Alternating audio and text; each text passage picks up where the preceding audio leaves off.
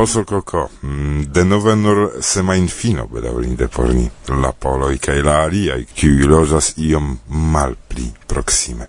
Posso Coco, ciare inter la dec quina de octobro, ec de dec oca horo, gis la dec sepa de octobro, gis la dec quara horo. Al igiu se vi shatas post somere claci en la internazia lingvo. Ligilo en prescribo de la elsendo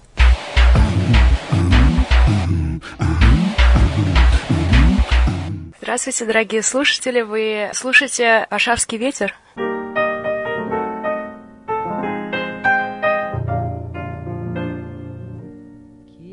amamos mi, mit por ci amamos, aneni amamos mi. Regimondo Margvieta, and finigas et chantau commends, cae tremote sublun quisai, China velcus gelsun of amens. Qui amamos mi, mi tut core amos, anem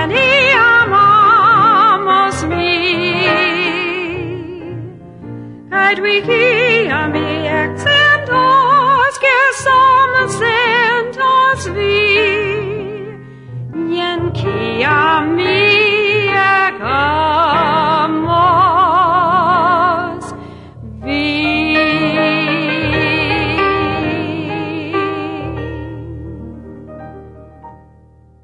Lassumi, lassumi, lassumi fari la musico Lasu min, lasu min, lasu min fari la muziko su uja vento La la la la la la la la la la la la la la La la la la la la la la la la la Vibula vibula vibula stel vibula vivo vibula stel vibula stel vibula stel la verda stel Saluton, mi estas Simono, mi estas el Danio, sed translocigis al Svedio. Por vi, kiu ne scias kie estas, estas la norda parto de Eŭropo, kiu nomas Skandinavio. Vi estas organizanto de Roskilde festivalo. Fakte ne de Roskilde, sed partopleno de esperantistoj ene de la Roskilde festivalo. Do mi ŝatus ekscii unue kial vi organizas tion, ĉar nenion vi devas. Due kial vi alvokas esperantisto in tie kaj kion vi faras fakte? Rakontu pri celo de Roskilde Esperanto festivalo. Eh, iam en nulo ses du esperantistoj Rasmus kaj eh, Deniso.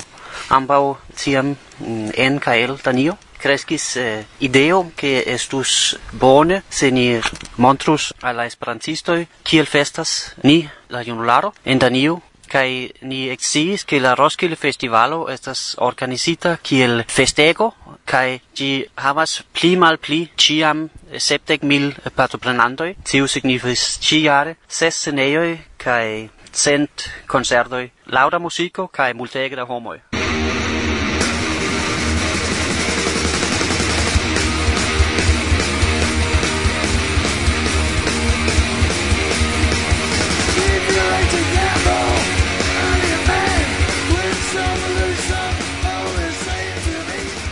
Roskilde Festivalo estas granda rock festivalo kiu okazas en Danio eh, apud Kopenhago en urbo kiu nomas Roskilde. Kaj ĝi ekis antaŭ tridek kelkaj jaroj eble mi ne bone memoras la historio sed ekis kiel malgranda festivalo por rock emuloj kaj ilin eh, sin organizis tiel ke dungis pli malpli kvarono de la eh, homoj kiu povis eniri la festivalo kaj ilin donis senpaga eniro kontraŭ ke ilin eh, helpis kunlabori kai kun organizi la laborego kiu okazas circa rock festivalo kai jaro por jaro ci kreskis ekde la komenco kiu estis eh, la mia memoro 6000 mil homoj gis la pli malpli nuntempaj cent mil homoj granda rock festivalo, kelkaj scenejoj, famaj rock grupoj kaj kion esperantistoj faras tie.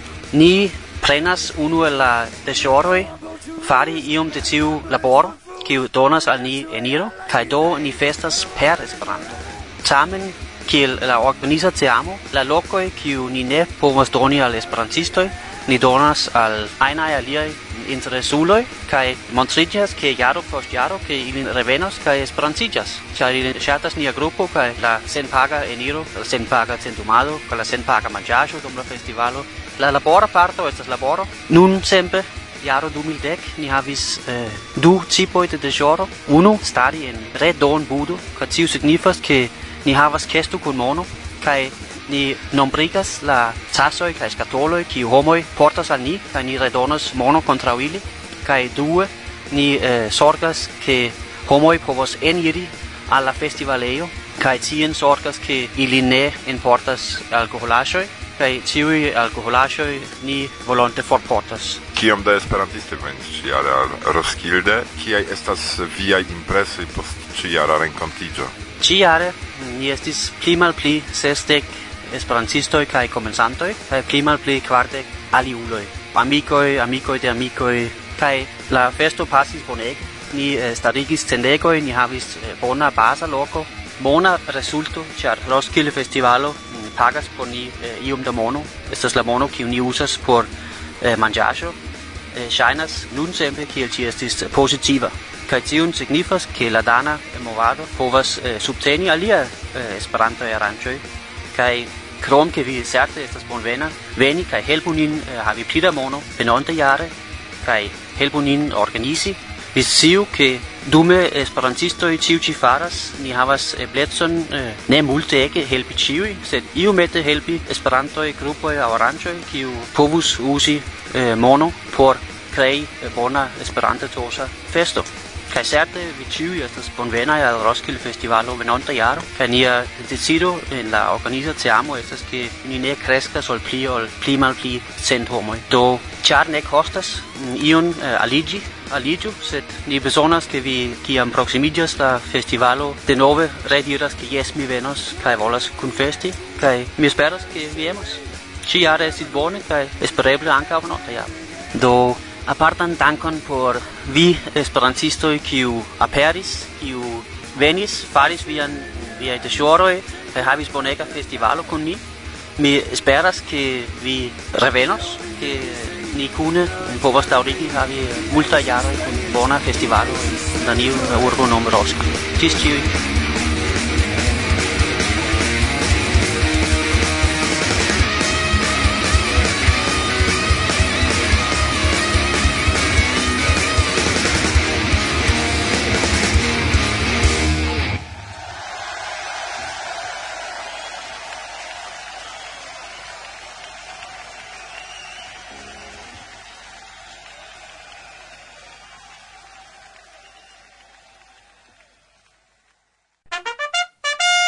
Reklamą.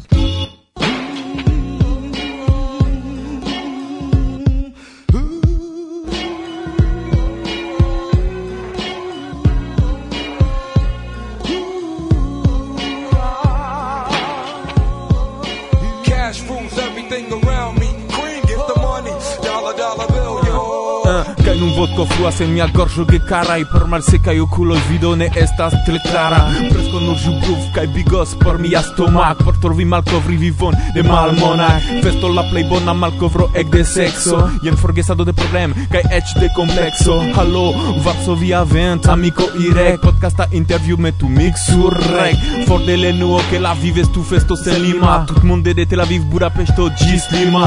Yes, eligos kasashka agat kaj rufino Yes, ja esperante ne neniam mestu fino. Subneĝo okazas nia festo yesia Clopodas klopodas ne troniĝi neggio tro multa. Veninte per longa voglio traina caravana sen fin. Festas tiel jungiĝas experimente mulin.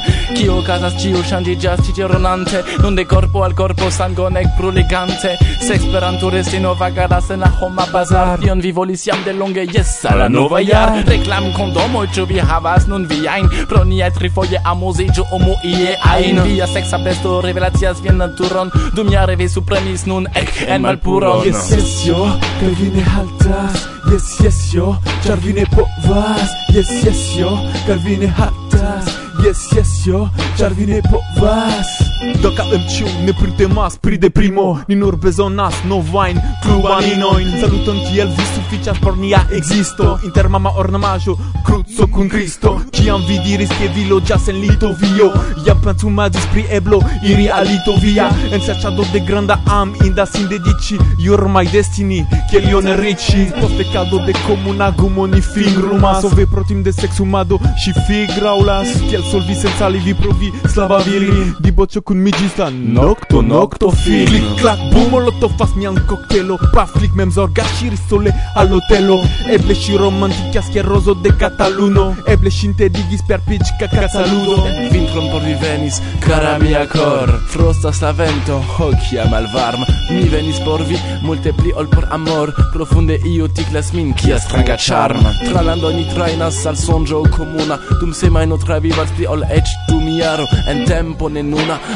Vitero belsuna neĝas en mian koron Dum estas ni paro. Kio kazas nun? Ho, kia diboĉul Ne revu pri amo en via vodka nebul. Kiam vi revenos trinke jen atendos Jen nur por vi sambezona verva knabino sen ĝen Ek kaj jes kaj festo festo festo. Vi nun aliĝu vidu viajn emojn de besto Kvenĉo kaj emĉo Alekĉo kaj makĉo Vi ne iros rakonti pri ĉio al paĉjo Yes, yes, yo, kaj vi ne haltas Yes, yes, yo. Czerwiny po was. Yes, yes, yo. Czerwiny hatas Yes, yes, yo.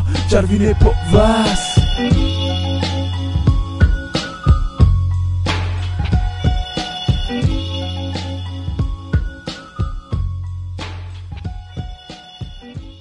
Most a Varsói Avento el- előadását hallgatják. Esperanto, ez a lingvo bonifoni, Esperanto estas la lingvo por mi. Esperanto estas la lingvo por mi, por mi. Esperanto estas la lingvo por mi. Nekredeble. Kompreneble, yes.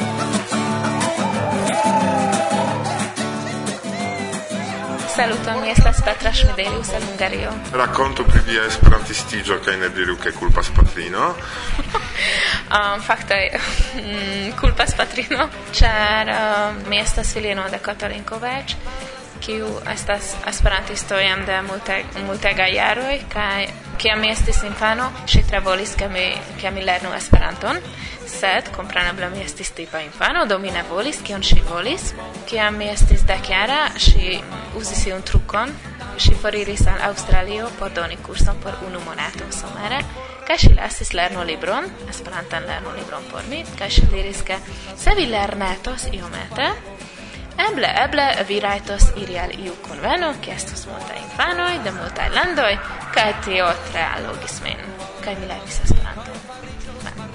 Certe ne estis. Um, ne vere memoras estis tiu hungara lernolibro, eble de Isna Serdahelyi.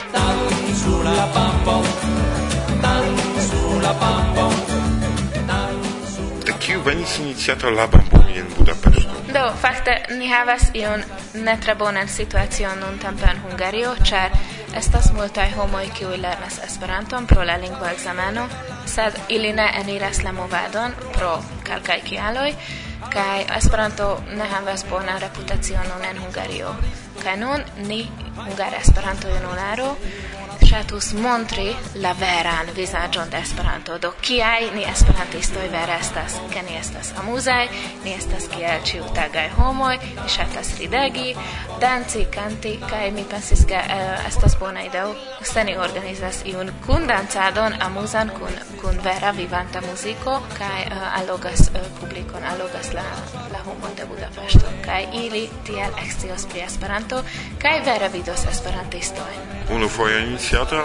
Do eble vere ni ŝatus ripeti tion kaj ankoraŭ elpensi aliajn amuzajn aktivaĵojn kiuj montras kiaj ni estas junaj esperantistoj. Sur la pampa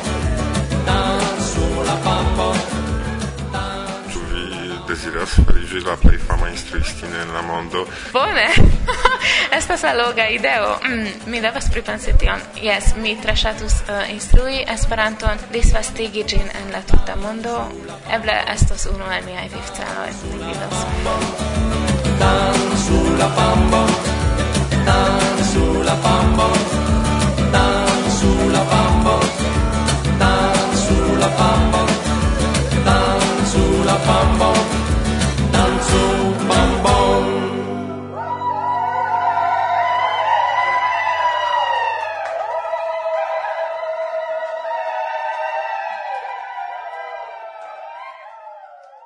Do, mi alkore salutas ciuin auskultantoin. um, szeretettel üdvözlök mindenkit.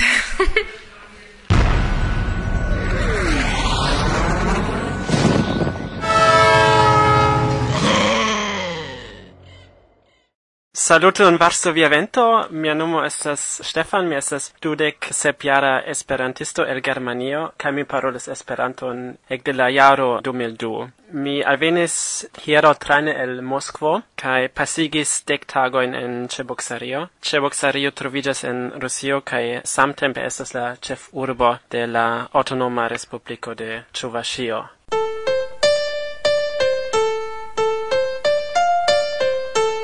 Ĉevoksareo estas vere tre interesa urbo, ĉefe por esperantistoj, ĉar ili havas diversajn Esperanto-klubojn tie, estas tre vigla Esperanto-movado tie, diversaj Esperanto-agadoj, lingva festivalo, internacia lingva festivalo, kie diversaj homoj sin presentas kaj diversaj lingvoj estas prezentitaj. Kie estas celo ke estas diversaj Esperanto-kluboj, ne sufiĉas unu rondo granda? La urbo estas sufiĉe granda, mi pensas, kaj estas ankaŭ kluboj por diversaj aĝgrupoj, do por infanoj, junuloj kaj plenkreskuloj, por diversaj homoj. Tio signifas che tamen estas en Esperanto kulturo limoj de aĝo. Ne, mi ne pensas ke tio estas vere um, strikta limo, sed la urbo estas tiom granda, duonan milionon eble, kaj estas tiom multege da esperantistoj, ducent aktivaj homoj, kaj oni ne vere povas amasigi ilin en unu klubo,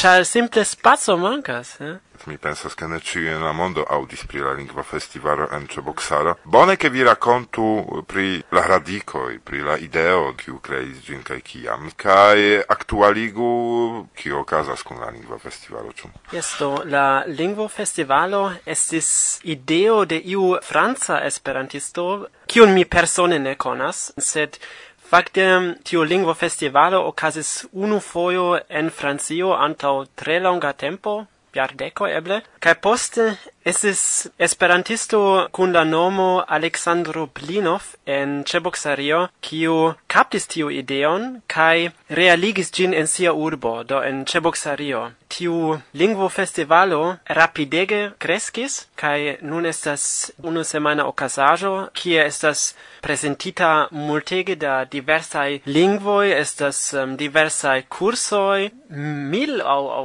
eble eĉ pli da partoprenantoj, ne nur esperantistoj, sed ankaŭ aliaj interesitaj homoj, kiuj povas aŭskulti diversajn lingvojn kaj estas kvazo fenestro al la mondo. Kai Esperanto estas nur unu de la lingvoj kiu estas prezentitaj, tamen estas ankaŭ medio, kaj mi pensas ke la lingvo festivalo vere montras ke oni povas paroli pri diversaj aferoj kaj povas uzi samtempe Esperanto kiel medio.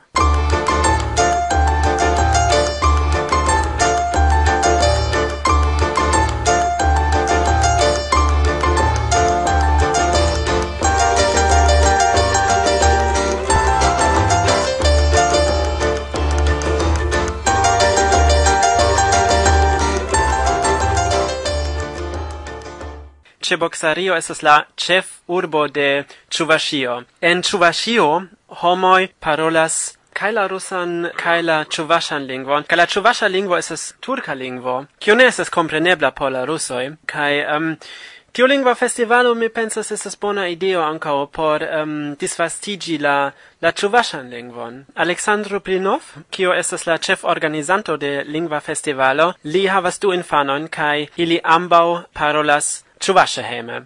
Estas ĉuvaŝoj Kai mi audis de Alexandro mem ke okdek procentoj de la enloĝantoj de um, Ĉeboksario estas ĉuvaŝoj. Ni ne estas solaj ĉi tie kaj eh, aŭskultas nin. Saluton, mi estas Tatiana el Ĉeboksario kaj nun mi estas en Varsovio. Prezentu iom la ĉuvaŝon. Shurhi varmanda sargaya kiulat Sagayak yulat sasi yangaya shujo jalapka veje kashinje. Eptuhada peptuhada purama sanagura sanagura stuyumba. Menshintezin yurada de pepsana. Mi vidas turkajn aŭskultantoj kiuj dancas aŭskultante Varsovia vento elsendojn ĉu eh, vi partoprenis la lingvan festivalon? Nur unufoje kion vi memoras? Antau quin jaro mi ne estis esperantistino, do mi simple interesiĝas pri lingvo festivalo kai mi volas vidi diversain uh, eh, prezentaĵojn, mm, prezentaĵo de germana lingvo, franca lingvo kai Esperanto lingvo. Kai la pola mi aŭdis. yes. Ti estas consilo por vi se vi venos, tiam vi povas instrui vian propran lingvon kaj rakonti pri via propra kulturo, sed ne same kiel dum la Ioko ekzemple, ĉar tie la lingva festivalo okazas kvar horoj, tie vi rajtas eĉ vidi sian propran kurson.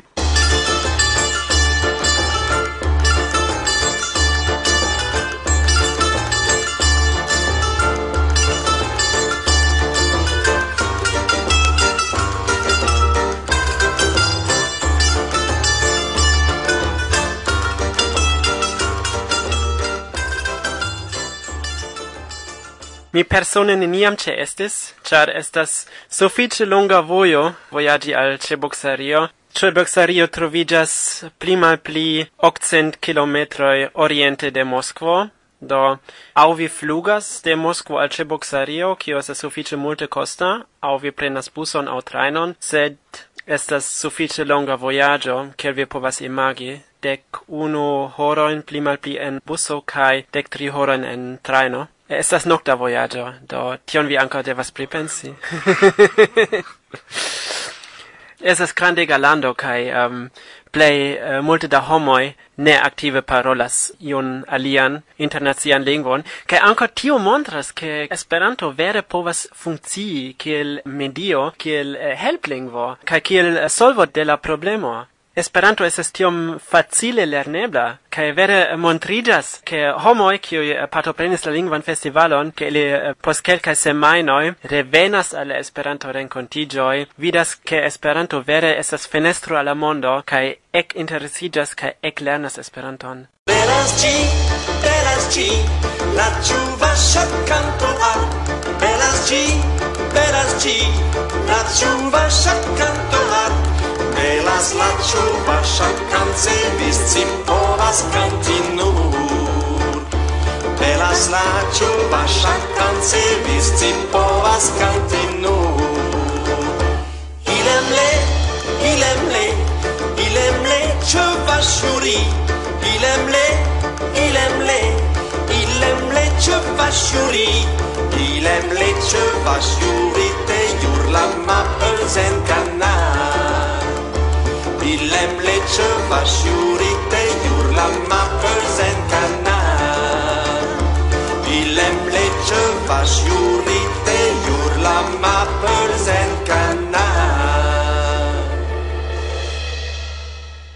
Ne lastai vortoi, salutoi? Saluton al Alexandro Plinov, al uh, Jan Schröder, kio estas um, germana esperantisto, kio vivas en Chuvashio, kai kantas Chuvashe kai Esperanta kai salutan al ciui aliai um, auscultantoi de Varsovia Vento, al ciui esperantistoi de la Esperanto Clubo en Heidelberg, kai saluton anco al Irek, kio sidas apul mi. Dankon. Ne dankinde. Varsovia Vento.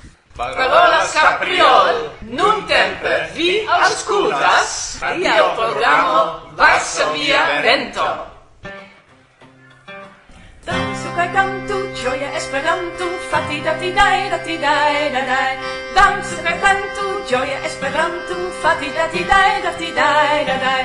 Ĝoji kaj danci estas valore, kaj ni festu ĝis malfruore. Fati dati dai dati dai da dai dai, fati dati dai dati dai da dai.